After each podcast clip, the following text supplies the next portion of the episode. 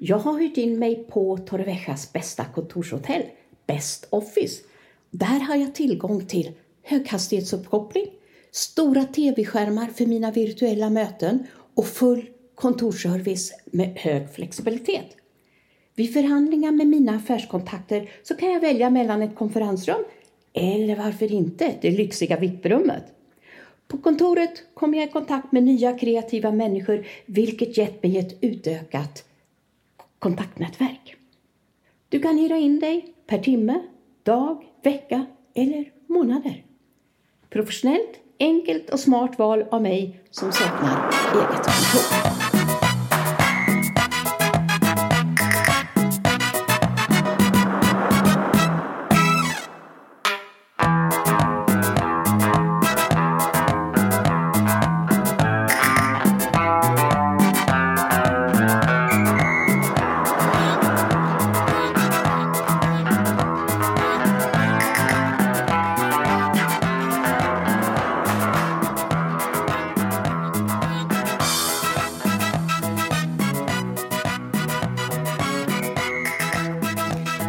Vardag...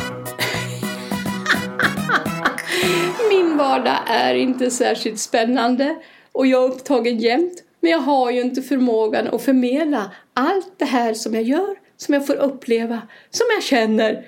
Men idag berättar jag lite grann om vad som kan hända här hos mig.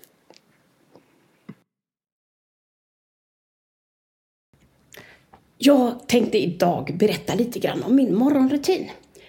Som jag tidigare har sagt så går jag ju på sådana här personal trainer som tränar mig och det har jag gjort nu i över ett år. Två gånger i veckan, 45 minuter varje gång. Och programmet har blivit tuffare och tuffare. Alltså det jag gör idag, det kunde jag inte göra när jag började. Det är det jag menar med tuffare. Kroppen har blivit starkare, jag har blivit av med min, mina ryggproblem, jag har blivit av med mina fotledsproblem och knäproblem och allt det här. Så det känns bara bra. Jag som aldrig har tränat hela mitt liv. Då har jag också lagt till en annan sak. Jag gymnastiserar lite på morgonen. Jag tar hela kroppen. Armarna, ben, magen, rygg, allting håller jag på med. Jag har massor med olika rörelser.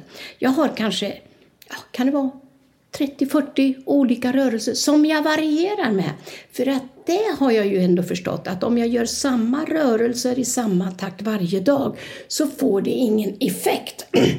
Och jag gör ju det här nu för att jag har ju lite eh, fett bakom ryggen och på magen och sånt där som jag tänkte jag skulle försöka minska. Och då måste man göra olika övningar i olika takt. Det ska vara dynamiskt och det ska vara statiskt och allt det här. Och jag börjar se en effekt av det också nu. Fast jag bränner mest när jag är på min träning. Så så är min morgontid. Det är det första jag gör när jag går upp. Därefter så sätter jag mig och äter en frukost. Och jag kan inte äta så mycket. Jag har ju börjat dricka eh, koffeinfritt kaffe. Det tycker jag är bra. Visserligen dricker jag bara en gång om dagen. Någon gång kanske jag tar en kopp på eftermiddagen. När jag dricker vanligt kaffe då kan jag ju inte sova om jag dricker den på eftermiddagen. Men jag känner mig ändå pigg med den här koppen kaffe som jag får på morgonen och sen tar jag en smörgås. Det är väl i princip det enda jag gör. Och därefter så börjar dagen och dagen kan ju se ut på många olika sätt. Till exempel när jag vaknade i morse så går mitt larm och jag tittar, vad är det? Nej, det är ingen människa.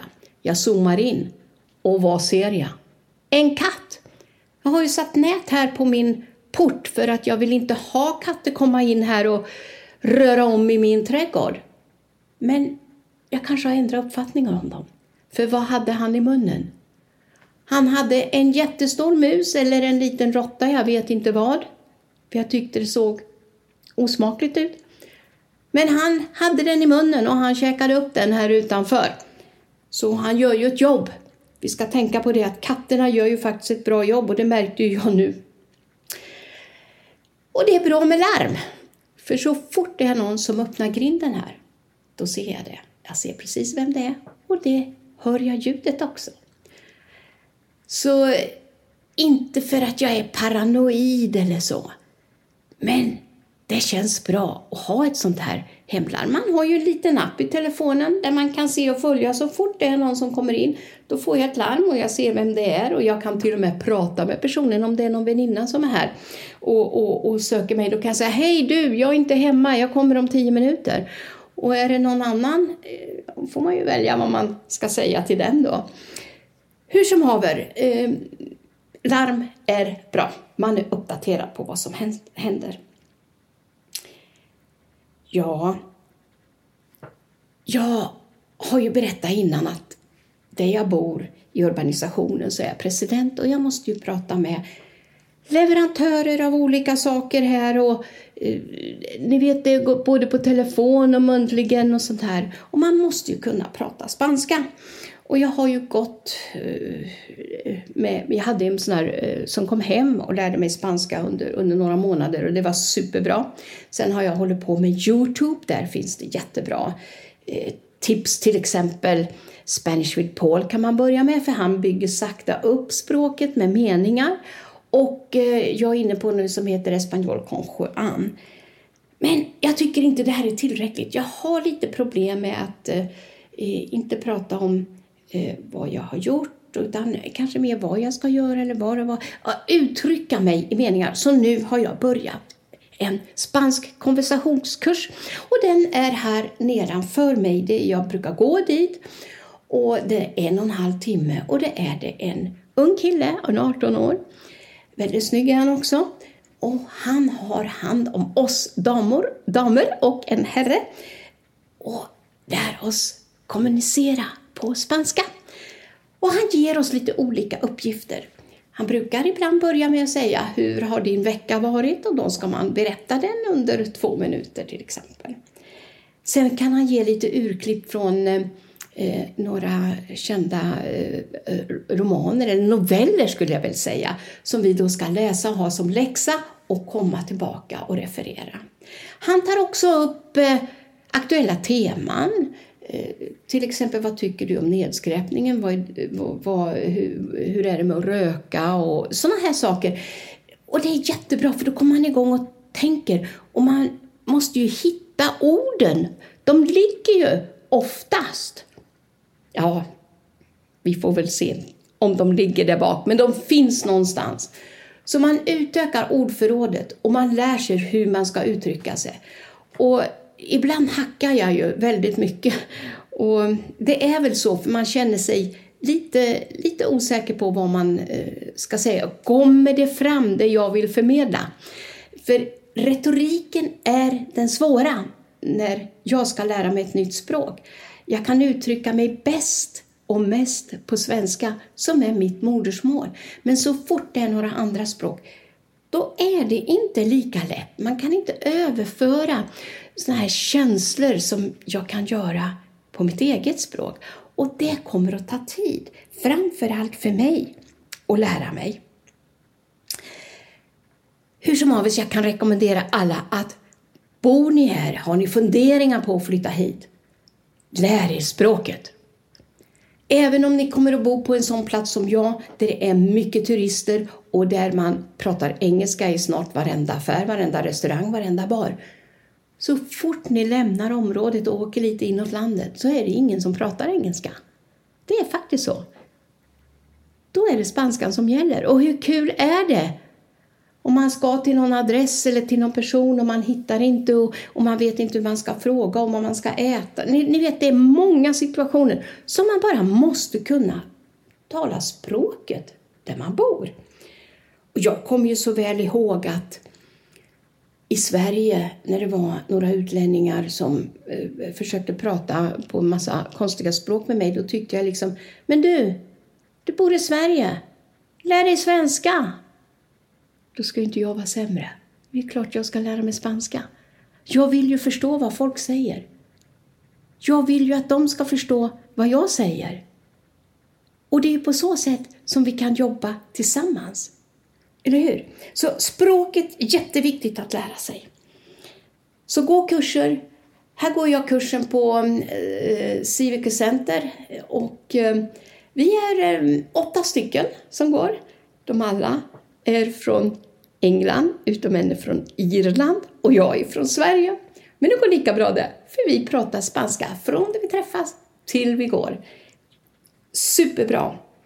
Och särskilt tack till Ismael som lär oss det här. Han är fantastiskt duktig. Han studerar förresten eh, språk, engelska och franska på universitetet i Alicante. Och det är ju bra för honom också att träffa oss och lära känna vilka vi är. Så tjänar han lite pengar. Det som vi också har diskuterat, det är ju det här nya här i Comunidad Valenciana, där vi bor. Att det officiella språket är valencianska. Och då säger han så här att i Torrevieja är det ingen som pratar det. Alicante några, det här är mer i Valencia. Och han ser att i framtiden kommer det att bli väldigt svårt med alla de här olika språken. Vi har ju baskiska, vi har eh, katalonska, eh, vi har ju gäliska eh, och vi har ju andalusiska och sen har vi ju eh, valencianska och sen har vi ju spanskan som heter eh, castellanska. Då. Hur ska man ena ett folk med det? Hur ska man studera på universitet? De kanske har en bra linje för mig i Madrid. Då pratar de spanska och här måste jag prata valencianska. Och tvärtom. Så det är möjligt att våra universitet här kommer att bli bara för de som bor här och kan språket. Det här är lite underligt för mig att man tillåter, för jag känner ju att självklart ska man inte förbjuda att ha sådana här språk, men att ha det officiella språket kommer att stöta på problem. Det kommer inte vara så många som söker till våra universitet. Precis som många inte kommer att söka till Baskien om baskiska nu är eh, språket som man är. Det är mycket att tänka på här. Det är inte jag som bestämmer och det är väl tur det. Men det kommer att bli lite annorlunda här. Hörni, ni vet ju hur det är med mig och trädgård. Jag älskar ju det här. Och jag kan väl berätta att jag älskar ju också rosmarin. Jag tycker det är så gott både till kött och till potatis och sånt där. Och det är så mycket antioxidanter har jag förstått. Så därför måste man ju ha en planta i trädgården. Och den har ju vuxit och vuxit och grenarna blir ganska stora. Och jag vet att man kan klippa den och forma den och få en häck om man vill och det är fantastiskt att se så. Och jag har ju varit lite slarvig med det. Jag har ju varit fullt upptagen med att klippa alla andra växter men inte just rosmarin. Och eh, så jag grävde bort den där och så har jag köpt en ny och den är med lite hängande grenar. Då växer den uppåt fast lite nedhängande så det kommer att bli som en liten boll. Och den blir inte lika stor och, och ful som min var utan den kommer att bli finare. Så det här eh, ser jag faktiskt fram emot nu att nu ska den börja växa på det här sättet. Och det är ju så gott att gå ut bara i trädgården och klippa en bit kvist och så lägga i grytan. Alltså, det är ju underbart. Så rosmarin är en viktig ingrediens i matlagningen, men lika viktig planta i trädgården.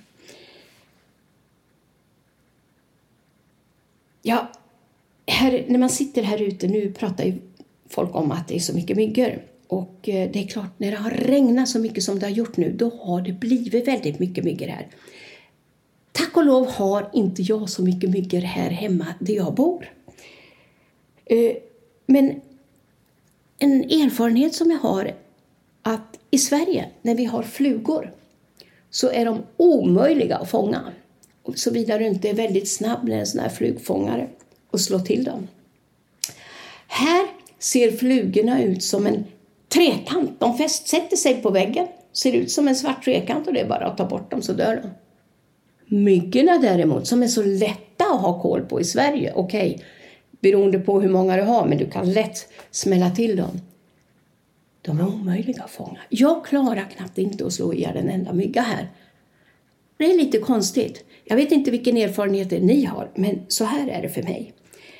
Och vi brukar ju ha tigermyggor. Tigermyggor säger de att de ger sån här dengdufeber. Eh, men eh, jag vet de som har blivit bitna av de här och de har ju svullnat upp stora märken en del och en del finns ingenting på.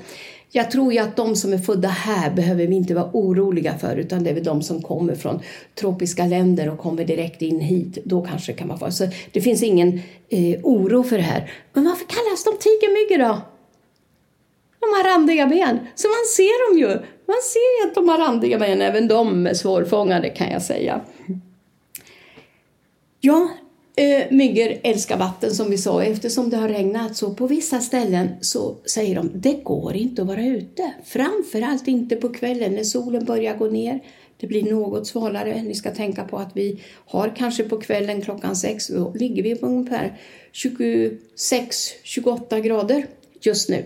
Så att det tar lite tid innan temperaturen går ner. Men ska man gå ut och promenera eller gå ut med hunden eller gå ut på restaurang där det är så mycket myggor, då är det inget roligt.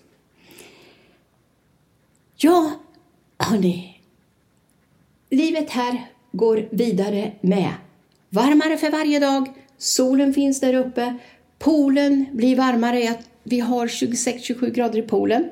Havet ligger också, när man mäter en bit ute i, ute i havet, då står det 23 grader, 24 grader. Men här nära stranden, där vi oftast är och badar, där har vi 25-26 grader i havet. Och havet just nu är kristallklart. Vi brukar se en hel del tång som kommer upp och det ligger och det ser lite svart och man får gå i dem där ibland. Men det har varit väldigt lite av det nu. Och varför det har blivit så, det vet jag inte. Kanske tången kommer när det blir ännu varmare, ingen aning. Men det är kristallklart vattnet och det är riktigt ljuvligt att gå ner där. Och det är ju som jag brukar säga, det är lite kyligt i början för kroppen är ju jättevarm eftersom det är så varmt i luften. Och så går man bara rakt ut och doppar sig. Då får kroppen en liten sån här kallchock, vilket är väldigt hälsosamt har jag förstått. Och sen är vattnet så himla varmt. Så så funkar det. Jag kan rekommendera alla att gå ut i havet och simma. Och när jag kommer upp, när jag har varit i havet och simmat omkring lite grann där, vad gör jag då? Ja, inte duschar jag av mig saltvattnet. Den vill jag ha kvar på kroppen. För den, den ger så mycket mjuk hud till mig. Jag känner liksom, nej, många går ju direkt hem och så duschar de av sig det här. Det gör inte jag. Då får det bli på kvällen, men på dagen går jag med saltet. Huden blir jämnt brun och fin också. Man bränner sig. Jag bränner mig inte för att jag sitter inte så länge i solen. När jag åker till stranden, då kan jag vara där en och en halv, två timmar. Och jag badar några gånger så att jag håller mig igång. Och när jag kommer hem då är jag jättebrun. Om jag går ut i min trädgård i bikini här, jag blir inte lika brun. Jag vet inte, det är väl något med de här ultravioletta strålarna och, och havet och saltet och alltihopa som gör att man blir brun och blir brun på rätt sätt. Man kan också tänka på att ha en hatt eller keps på sig för att solen står rakt upp och det blir väldigt varmt och man kan ju drabbas av solsting. Sommaren är här och nu ska den stanna och vi har många varma dagar och nätter att se fram till. Igår tog vi en tur till, det heter Carmen del Campillo det är ett tehus som ligger en bit in i landet, i Crevient. Och jag tror att det är ett gammalt kloster eller något. Och det är underbar trädgård. Fantastiska växter. Och så kommer man in i det här enorma huset med gångar och trappor upp och ner och snirklar runt. Det är en fantastisk känslosam upplevelse att vara där. Och igår tog vi med goda vänner spanjorer dit som var helt hänförda. Har ni aldrig varit där, då kan jag rekommendera besök. Man går in dit och sen när man går ut så får man betala. Och då säger man, jag har inte gjort något. Nej, men att hålla den här trädgården igång kostar tid och pengar. Så man erbjuds en liten kanna med te och det finns massor, säkert 30, 40, 50-tal tesorter att välja mellan. Man kan dricka även såna här fruktjuicer, batidos och sånt där. Och det ingår i den här summan på 7 euro. Sen har de såna här eh, arabiska söta kakor också och då får man betala 2 euro extra för det. Och då betalar man när man går ut. Och då vet man det. Ska man vara där, kostar 7 euro. Vilket du tar till eller inte, jag rekommenderar, gör det. Och det är så mystiskt, mytiskt när solen har gått ner och det är mörkt, Men alla lyktorna tänds. Fantastiskt, då blir man riktigt spirituell. Det rekommenderar jag alla. Och tack så mycket för att ni lyssnar på mig och podden idag. Ha en härlig helg. Hej då!